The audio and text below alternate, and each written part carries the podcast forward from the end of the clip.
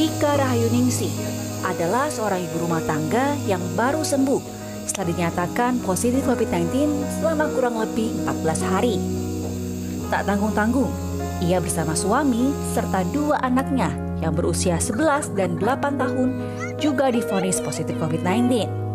Gejala yang dialami Ika dan keluarga tak berat, sehingga ia dapat menjalani isolasi mandiri di rumah saja. Mengisi kebosanannya nih, yang Mbak Ika sama suami lakukan tuh ngapain aja sih? Kalau suami kan kebetulan masih tetap kerja ya, dalam kondisi isolasi pun dia tetap ada meeting gitu. Terus kemudian anak-anak kan eh, pagi tetap daring sekolah, terus siang hari paling enggak ya dengan aktivitas biasa rutinitas makan uh, saya membiarkan anak-anak untuk nonton apa yang dia suka. Terus kemudian karena yang kecil mungkin suka nyanyi ya nggak apa-apa lah gitu nyanyi-nyanyi senyanyi nyanyinya gitu. Terus kemudian uh, juga suka menggambar menggambar komik gitu. Itu jadi jadi uh, apa ya jadi hiburan mungkin buat anak-anak gitu. Uh, kalau setiap kali aku sebenarnya kangen loh keluar gitu uh, tapi kita nggak boleh keluar masih ada virus di badan kita kasihan orang lain gitu oh iya menurut Ika menjaga mood anak adalah yang terpenting ia dan suami pun selalu berupaya untuk menemani anak-anak sambil memastikan asupan gizi tetap tercukupi. Kalau penanganannya sehari-hari ya tetap makan uh, makan dan banyak minum. Minum itu pasokannya saya dari jus ataupun air putih, air kelapa, semuanya pokoknya yang di, di, diberikan oleh warga itu kita kasih ke anak-anak gitu.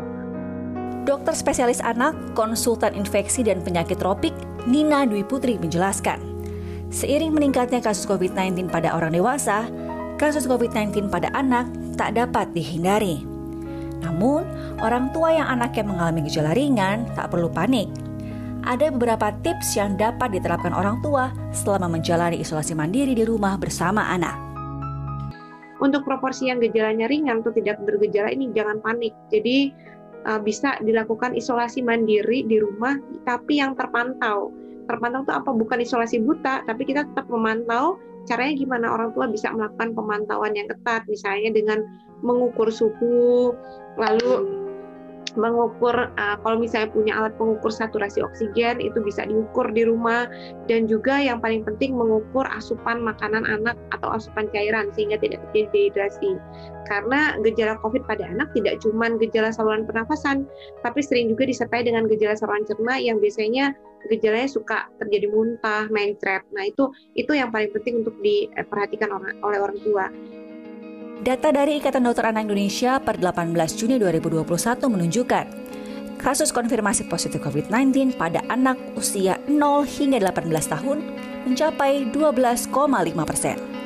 Artinya, satu dari delapan kasus COVID-19 adalah anak-anak.